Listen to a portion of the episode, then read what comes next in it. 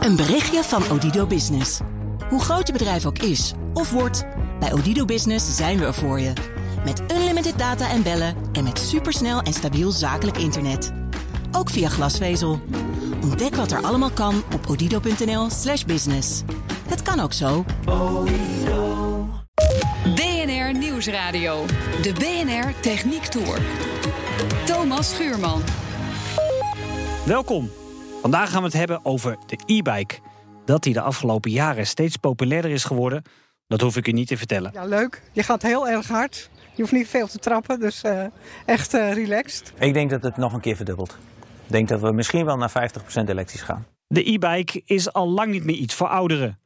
Nu het op de weg alleen maar drukker en drukker wordt, is de e-bike een uitstekend alternatief. Het is comfortabel, tot 25 km per uur aangedreven, gaat met de Speed Pedelec zelfs lekker snel, tot 45 km per uur aangedreven en, jawel, ook goed voor het milieu. Uh, fietsen is gezond, uh, fietsen is uh, leuk, maakt je hoofd vrij.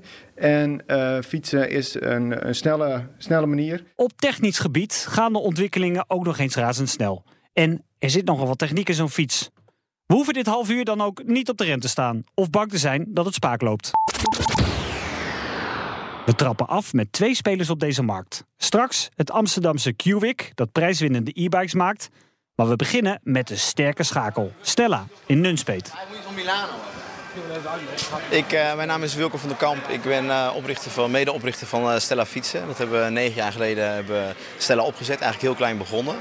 En vorig jaar in 2018 zijn we marktleider geworden. Nou, laten we eens een rondje maken. We zijn in de werkplaats ja. in Nunspeet. Zou je me eens mee kunnen nemen naar ja, een fiets die echt wat dat betreft een hardloper is van jullie? Uh, jazeker, dat kan. Dat uh, is onder andere deze fiets die hier staat. Dat is ongeveer de, de, de Livorno. Ja. Dit is dan een, een versie met een, met een middenmotor. Wat is een middenmotor? De, de, de, aandrijving van de fiets die gebeurt op, kan op verschillende manieren gebeuren. Dat is, we hebben fietsen die we verkopen met een voorwielmotor, we hebben fietsen met een middenmotor en fietsen met een achterwielmotor. En dat is, bepaalt eigenlijk een beetje waar de kracht vandaan komt en hoe makkelijk je bijvoorbeeld een berg opkomt of uh, makkelijker in het stadsverkeer kunt gaan fietsen. Hoeveel e-bikes Stella verkoopt wil Van der Kamp niet zeggen. Maar het zijn er inmiddels zo'n 80 à 90.000. Wat maakt het maken van een e-bike nu lastig? Ja, er zitten natuurlijk ontzettend veel componenten in. En uh, we, uh, om het allemaal zo klein en compact en licht mogelijk te houden, dat zo'n fiets ook wendbaar blijft. Dus dat heeft ook een beetje een stukje met veiligheid te maken en een stukje rijcomfort. En dat is de, denk ik de grootste uitdaging. Wat maakt nou een e-bike behoorlijk technisch? Uh, nou, er zitten natuurlijk ontzettend veel sensoren in. Maar de, de techniek is, begint natuurlijk al bij een middenmotor of een voorwielmotor waar ik het net over had. Er zitten natuurlijk ontzettend veel dingen in. tandwielen, allemaal verschillende onderdelen die ervoor zorgen dat je ook echt met de, de berg opkomt. Ook daar is het weer een verschil van. Heb je, heb je een hele sterke motor, heb je een minder sterke motor. Hoe sterk is een motor ongeveer? Ja, dat, kun je uit, dat, dat, uh, dat met bijvoorbeeld de newtonmeters. En we hebben verschillende tussen de 40 newtonmeter, maar we hebben ook fietsen tussen met 80 newtonmeter. Waar kun je dat ongeveer mee vergelijken met andere apparaten? Uh, nou, pakken een gemiddeld een wat kleinere auto, bijvoorbeeld een Peugeot 107. Die zit ongeveer rond de 100 newtonmeter qua kracht. En wij hebben verschillende typen motoren. Uh, en, die zitten tussen de 40 en de 70 newtonmeter. Dat klinkt toch wel als redelijk voorstand, sterk. Het zijn behoorlijk sterke motoren. En helemaal als je nagaat dat het in een behoorlijk uh, compact uh, uh, in omhulsel zit. Is technisch het lastigste component? ja, dit is eigenlijk de, de, de, de gehele e-bike kit, zoals wij het noemen. Dus de hele aandrijfunit. Dus dat is de accu, dat is de computer, dat is het display, dat is de motor. Ja, om dat allemaal goed op elkaar afgestemd te krijgen en om dat ook te zorgen dat het allemaal ontzettend lang meegaat zonder al te veel problemen. Daar zit de grootste uitdaging in. Uh, ja, we hebben de motor net uh, besproken. Hè? Ja. Maar een e-bike herken je toch meestal vooral aan dat ding wat achterop zit, hè? De accu. Ja, ja dat, dat, dat, is, dat is vaak wel zo. We zien tegenwoordig wel veel meer fietsen die wij ook gaan invoeren die de accu helemaal verwerkt hebben in het frame zelf.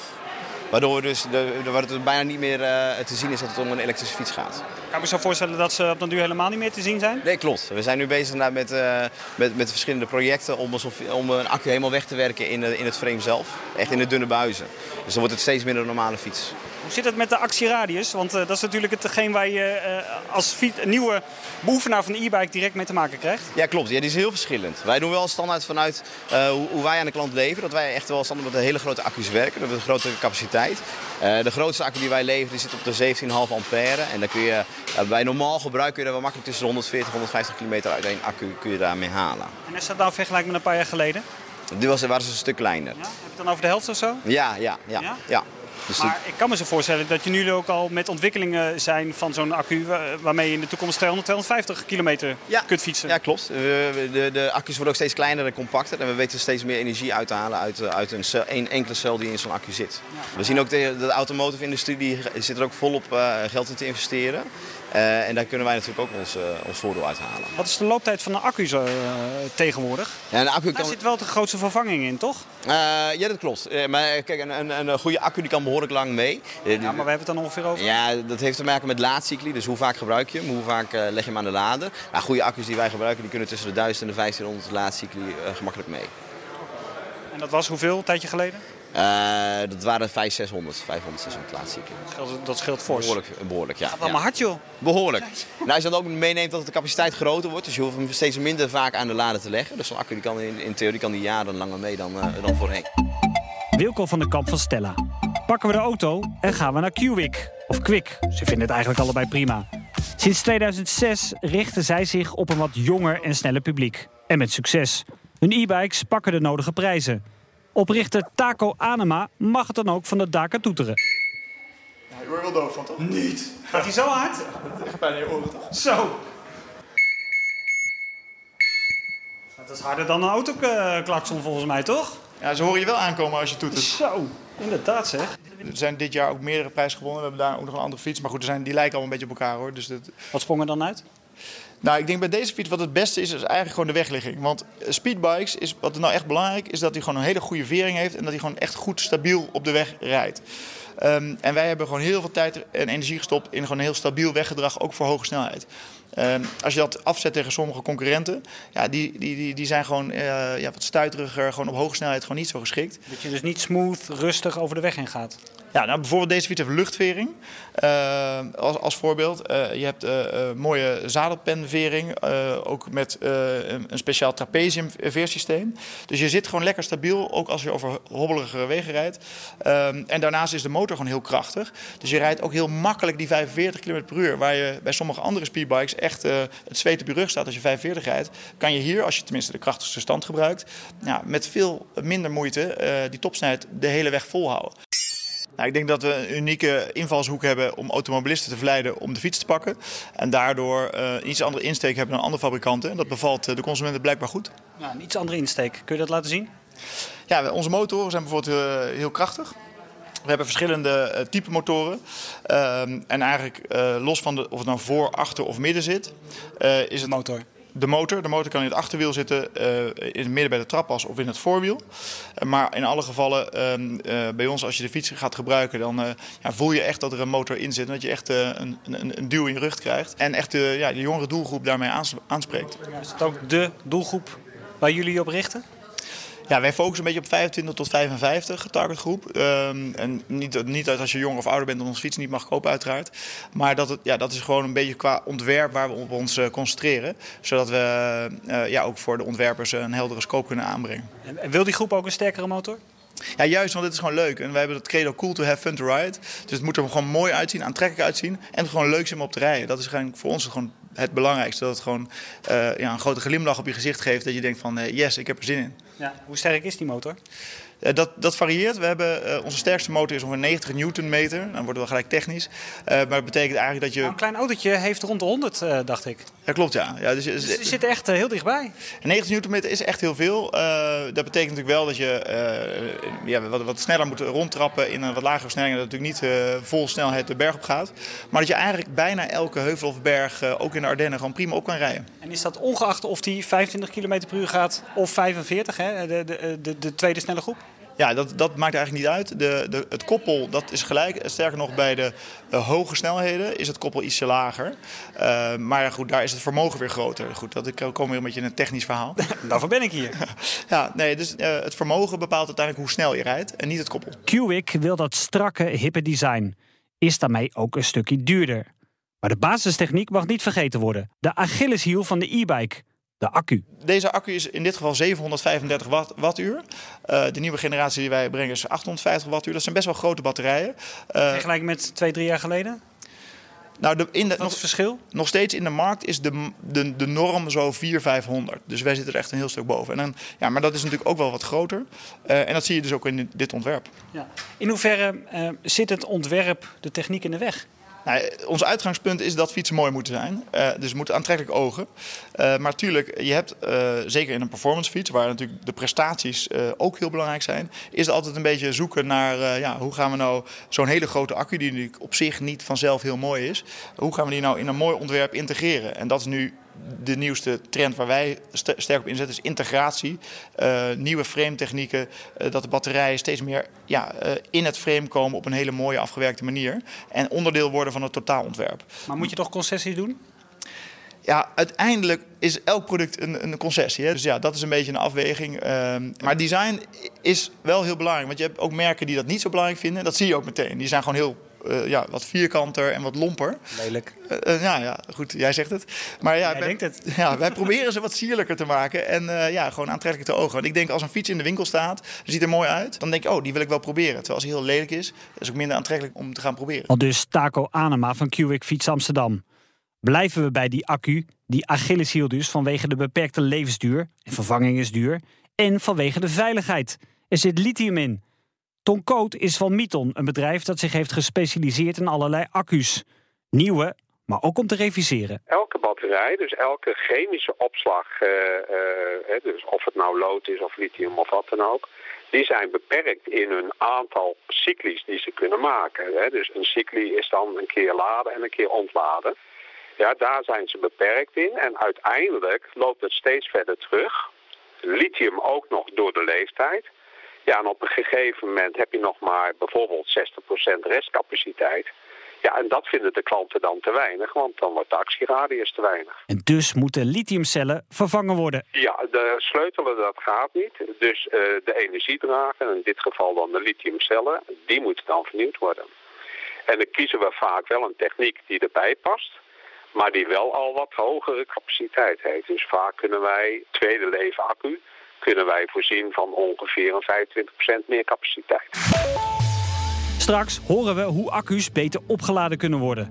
Om e-bike laadpaalklevers, brrr, kreeg het er net uit, voor te zijn. BNR Nieuwsradio. De BNR Techniek Tour. Welkom terug. We praten verder over accu's van e-bikes. Het lithium dat erin zit is best een gevaarlijk goedje. Verstandig gebruik, maar ook elektronica, moet voorkomen dat er wat misgaat. Als er dan toch wat kapot gaat, is dat best lastig te maken, zegt reparateur Tom Koot van Miton uit Utrecht. Fabrikanten hebben daar helemaal geen belang bij. Ja, je kan het vergelijken met een merk, dealer uh, van een automerk. En de BOVAG, uh, die dan constant aan het vechten is tot aan Brussel toe uh, om gewoon concurrent te mogen zijn en toegang te krijgen tot de software, tot de protocollen, nou ja, enzovoort, enzovoort, om zijn auto uit te kunnen lezen. Er zijn nog niet echt veel van dit soort accu-reparateurs. En regels zijn er ook niet. Terwijl dat handig voor Ton zou zijn, omdat elektronica, de software van de e-bike, steeds ingenieuzer wordt. Ja, dat je elke accu zeg maar, met, uh, met de software van de fabrikant of universeel ontwikkelt, uh, min of meer model BOVAG, zullen we maar even zeggen. Uh, dat we dat inderdaad gewoon aan kunnen sluiten en kunnen inzien, uh, kunnen uitlezen waar de problemen zitten. dat is in een 10 minuten uit te lezen bijvoorbeeld. En nu zijn wij anderhalf uur aan het testen en aan het controleren. Daar gaat misschien nog wel eens wat aan gebeuren. De batterij aan zich is best oké. Okay. En daar zit ook niet de grootste ontwikkeling in. Vertelt Taco Anema van Qwick, die we in het eerste deel al hoorden. Nee, de trend is eigenlijk dat de, dat de accu's uh, wel uh, stap voor stap iets krachtiger worden. Maar dat we dat vermogen wat we extra hebben ook graag willen gebruiken. Dus dat we uh, het volume niet per se kleiner maken. Je ziet voor het gebruik eigenlijk dat we heel blij zijn met de nieuwe accutechnologie. Als het iets krachtiger wordt, dan zeggen we nou kom maar op met die power. We, we maken de fiets nog, nog krachtiger. Of je kan nog verder fietsen. Nou, ik denk de winst die je in accu's kan halen, dat, die gaat vrij langzaam op dit moment. Dat is afgelopen jaren ongeveer 5% per jaar. Uh, en dan niet elk jaar 5%, maar gewoon, dat gaat als je het een beetje over de tijd heen ziet, stapje voor stapje wordt het wel iets beter. Er zijn in het lab uh, steeds meer uh, persberichten gaan eruit dat er in het lab hele mooie waarden zijn behaald. Voordat dat toepasbaar voor de industrie bruikbaar is, zie je vaak dat er jaren, jaren overheen gaan. Dus op dit moment... Maar de ontwikkeling juist in deze sector gaat enorm snel. Ja, dus... De fiets van nu is niet te vergelijken met drie jaar geleden. Nee, dat klopt. Wij gebruiken op dit moment dezelfde cellen in onze fietsen als bijvoorbeeld in een Tesla Model S of een Tesla Model X zitten. En de nieuwe generatie batterijen die bijvoorbeeld in de Tesla Model 3 zitten, die gaan wij vanaf dit jaar ook gebruiken in onze fietsen. Dus wij zitten heel kort op de, ja, de state of the art van de automotive industrie. Uh, maar we lopen... is daar ook nauw contact mee? Nou, vanuit, via de batterijfabrikanten uh, is dat. Uh, het is niet zo dat wij. ik, ik, heb geen direct lijntje met Elon, maar nee. Zou je wel willen? Zo, lijkt me leuk, ja zeker. Nog steeds trouwens, want ja, hij ligt toch wel wat onder vuur om het zo te zeggen. Nou, als je doet wat hij doet, dan, dan mag je best wel prima. Maar, mag best wel misstapjes maken, toch? Ja. ja, ja. Hey, we hebben het natuurlijk over de accu, over de motor. Wat voor techniek zit er nog meer in jullie fietsen? Uh, ja, vrij veel. Uh, uh, nou, het begint natuurlijk bij de aansturing. Bij ons zijn de fietsen zijn, gekoppeld met je telefoon. Zitten, de nieuwste generatie zit ook verbonden met het internet. Dus daarmee kan je je smartphone gewoon gebruiken als display. Je kan ook in je zak laten zitten of op het stuur monteren, wat je wil. En daarmee kan je al, alle dingen van je fiets bedienen. je kan zeggen... Snelheid, hoeveel, hoe ver, maar ook accu? Bijvoorbeeld? Nou, je kan alles uitlezen, dat sowieso. Je kan zien hoe het met je fiets gaat en wat er allemaal ingesteld is. Je kan ook elke stand op je stuur zetten knopjes. En daar kan je mee zeggen, ik wil meer power of ik wil minder power. Uh, je kan ook zien wat het snelheid je rijdt. Maar op je smartphone kan je nog precies het rijgedrag helemaal instellen zoals jij het wil. Als je zegt, nou, ik wil altijd dat de motor op stand 1 al heel krachtig is. En in stand 3 maximaal. Nou, dan kun je dat in je app gewoon instellen. Als je zegt, nou, ik wil eigenlijk alles iets rustiger aan. Um, dan kun je dat ook in je app... je dus niet meteen wegspuit bedoel je? Ja, dat kan je instellen. Dus dan, onze standaardinstellingen zijn ja, best wel zeg maar, agressief ingesteld zeg maar, eh, voor de lol. Maar als je dat niet prettig vindt, dan kan je hem gewoon met de app uh, allemaal wat rustiger programma geven. Zodat hij gewoon weer wat, wat, wat vloeiender rijdt. Dank Taco Anema van Qwick. Want daarmee zijn we bij het thema dat we nog niet behandeld hebben. De veiligheid. Het aantal ongelukken met e-bikes stijgt al jaren. Uit onderzoek blijkt dat van de slachtoffers van gewone fietsongelukken maar 6% op de intense verkeer belandt. Bij e-bikers is dat maar liefst 20%. Veilig Verkeer Nederland maakt zich al lange zorgen. Die mogen ze deze uitzending natuurlijk best uiten, maar dan wel op een e-bike. Voor uw reporter trouwens zijn eerste keer. Ja, lekker man. José de Jong, Veilig Verkeer Nederland. Ja, ik heb je net een klein beetje verrast eigenlijk, want je had niet voor, uh, erop gerekend dat we op een e-bike zouden gaan stappen. Inmiddels hebben we een klein stukje al gefietst. Toch om? Ja, ik ben gelijk eigenlijk al om. Het is toch wel heel fijn fietsen zo. Ja. Maar uh, laten we nog even een stukje gaan fietsen op een uh, voor de luisteraar toch rustige weg. Voor de duidelijkheid, want anders wordt het ja, toch te gevaarlijk. En daar ben jij dan weer net van, hè, José? Um, maken jullie zorgen als het gaat om het aantal ongelukken dat er de laatste tijd is met e-bikes? Ja, als je naar de cijfers van 2017, die, dat zijn de laatste cijfers tot nu toe bekend, is een derde van het aantal verkeersdoden zijn fietsers. En uh, eh, 50 daarvan waren met een e-bike uh, gebeurd. En we horen van veel ongevallen, dus wij maken ons echt zorgen. Er moet echt uh, wel aandacht voor zijn en komen. Oh, pas op. Ja, gaat helemaal goed. Hopsa. En wat is wat jullie betreft het gevaarlijke van die dingen? Uh, de onverwachtheid. Wij stapten hier net op die fiets en merkten hoe snel je al heel snel ging. Ja. En dat hebben wij niet alleen, maar ook... Uh, doen wij het nog rustig aan? Dan doen wij het nog rustig aan, ja. Maar dat hebben dus ook uh, de andere mensen en vooral ook senioren... die eigenlijk heel kwetsbaar zijn en die er eigenlijk echt even op moeten leren fietsen. Want als zij vallen, dan breken ze vaak veel sneller iets. En dat kan al fataal zijn. Voor jongeren, daar komen we wel overheen. Laten we even uitkijken, want hier zijn wat obstakels eh, op de weg. Ook voetgangers. Uh, Zo'n voorbeeld. Uh, paaltjes zijn heel gevaarlijk. Als je gewoon rustig aan fietst, kan je er makkelijk omheen. Maar als je dan ineens op die e-bike zit en heel snel gaat... dan ben je daar ineens. En daar gebeuren dus heel veel ongevallen mee. Met stoepen, met losse tegels. Oh, fietsen die natuurlijk van rechts voorrang heeft. Ja. Maar er wordt natuurlijk al uh, langer door jullie aan de bel getrokken. Uh, heb je al wat dat betreft concrete maatregelen gezien? Nee, die zijn er nog niet. We hebben er wel aandacht voor. Want behalve het erop leren fietsen horen we ook vaak dat e-bikes opgevoerd worden. Dat zelfs de, gewoon de rijwielhandelaren de tip geven... nou, als u hem niet hard genoeg vindt gaan, 25 km per uur... Uh, dan heb ik hier nog wel een setje voor u, dan kan hij harder. Het is makkelijk te omzeilen. Het is makkelijk te omzeilen en daar willen we in ieder geval dat daar maatregelen voor komen. Dus daar hebben we contact over met de branche om te kijken of dat tegengegaan kan worden. Zou er tegen kunnen gaan? Controle? Boetes? Een soort controle, boetes, dat het technisch niet meer mogelijk is. Of daar moet dat ga je niet winnen, gok ik. Uh, dat, die kans is redelijk aanwezig, maar we proberen toch ons best daarvoor te doen dat dat minder makkelijk zou moeten mogen kunnen. We gaan toch even een tandje erbij doen. Ja, dat is toch een heel ander gevoel. En dan sta je natuurlijk niet zomaar stil daar waar het nodig is. We gaan nu richting de 25 km per uur, het maximum voor een e-bike. En als je dan ook nog wat zwaarder zit zo, ja, dan schiet je echt weg gewoon. Ja, we kennen het probleem van Nederland. Het wordt steeds drukker. Hè? Niet alleen op de weg, de vele files, maar ook het aantal fietsers neemt toe. En er komen uh, dit soort gevarenjongens er ook nog eens een keer bij. Hoe gaan we dat oplossen? Uh, ja, daar moet toch echt aandacht voor zijn, voor komen ook. Dat is het toch al wel? Daar is wel aandacht voor, maar ze zitten nog in. De oplossingen zijn er nog niet. Ze zijn nog aan het bekijken hoe dat opgelost kan worden. Fietssnelweg? Fietssnelwegen, extra brede fietspaden. Misschien fietspaden waar de, aan de ene kant rustiger kan fietsen en het fietspad ernaast waar je sneller kan fietsen.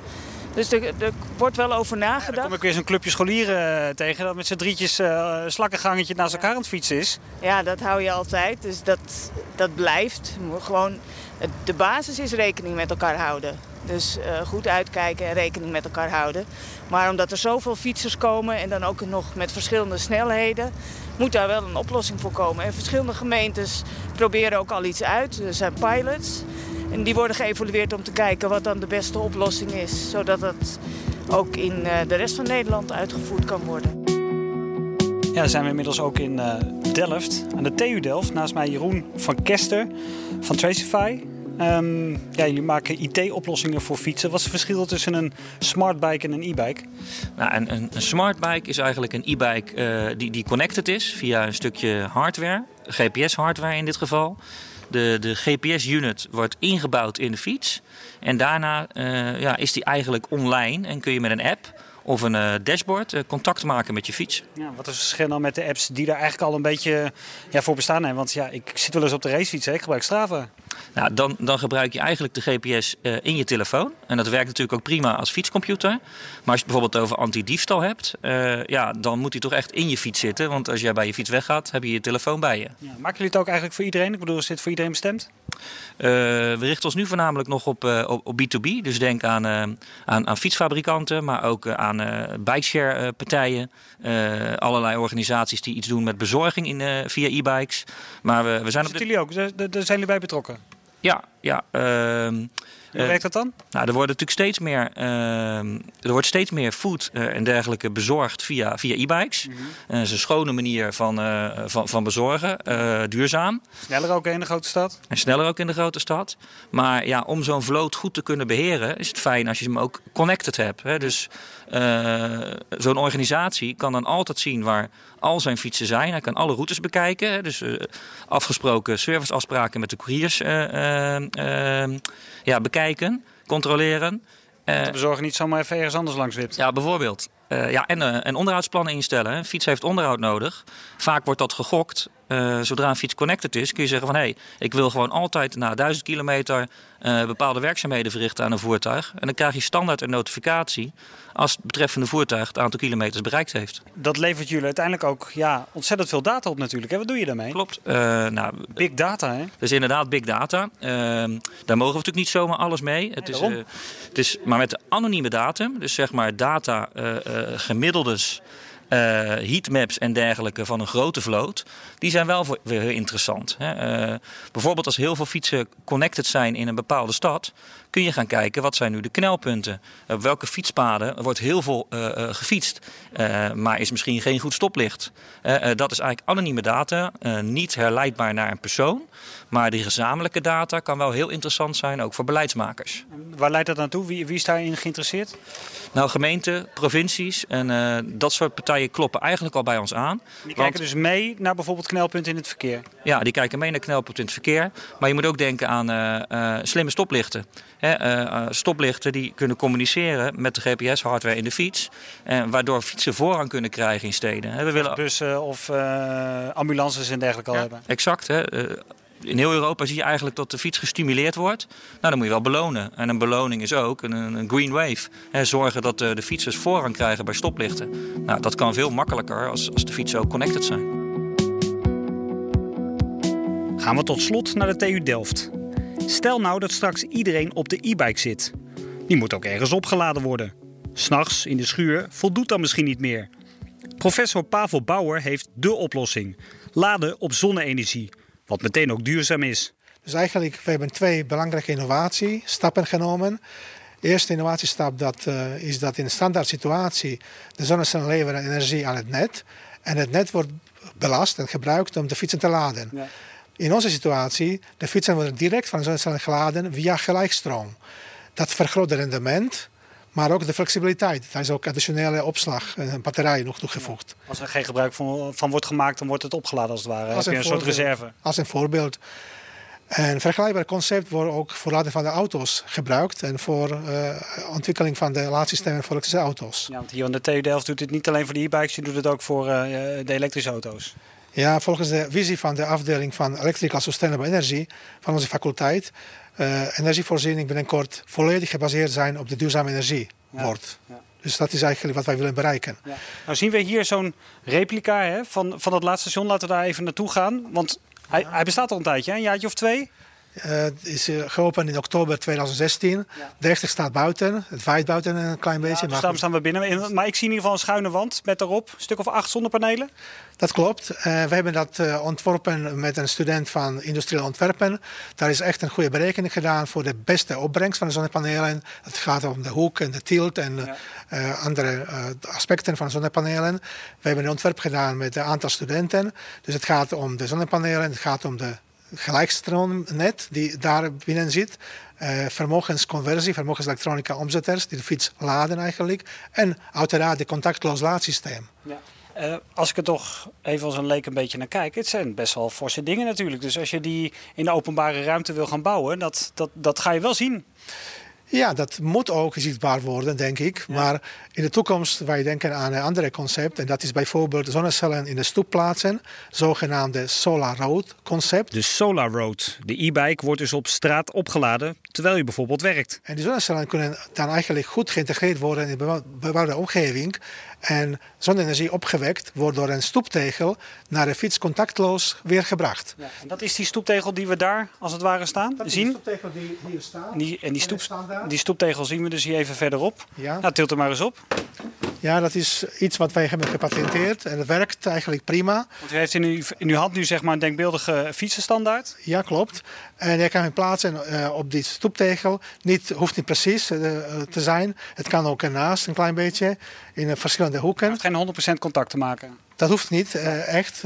en dat, we hebben een juiste methode ontwikkeld hoe dat kan werken, ook als het niet 100% daarop staat, of tenminste niet in het midden. Dat kan ook een beetje ernaast staan. Maar wat zit er onder die stoeptegel? Daar zit een magnetische circuit met een uh, magnetisch materiaal en eigenlijk een soort, uh, dat is een soort transformatorprincipe, vergelijkbaar met het oplaadsysteem van de tandenborstel. En dat kan je dan uh, energie eigenlijk via elektromagnetische velden van de primaire kant naar de standaard, naar de fiets brengen, zonder afstand te kunnen leggen en eigenlijk het contactloos laadsysteem. Ja, en laat hij net zo snel of sneller dan gewoon thuis? Hij kan net zo snel laden als die van die in thuis. Weet je wat ik nu zo, zo aardig vind? U leest er toch van papier min of meer op, hè? om toch het goed te kunnen vertellen. U heeft nee. het vast allemaal ook in het hoofd zitten, maar... Ik lees dan niet dat papier, ik kijk aan het papier of ik het vergeet. Ja, Dat is een andere...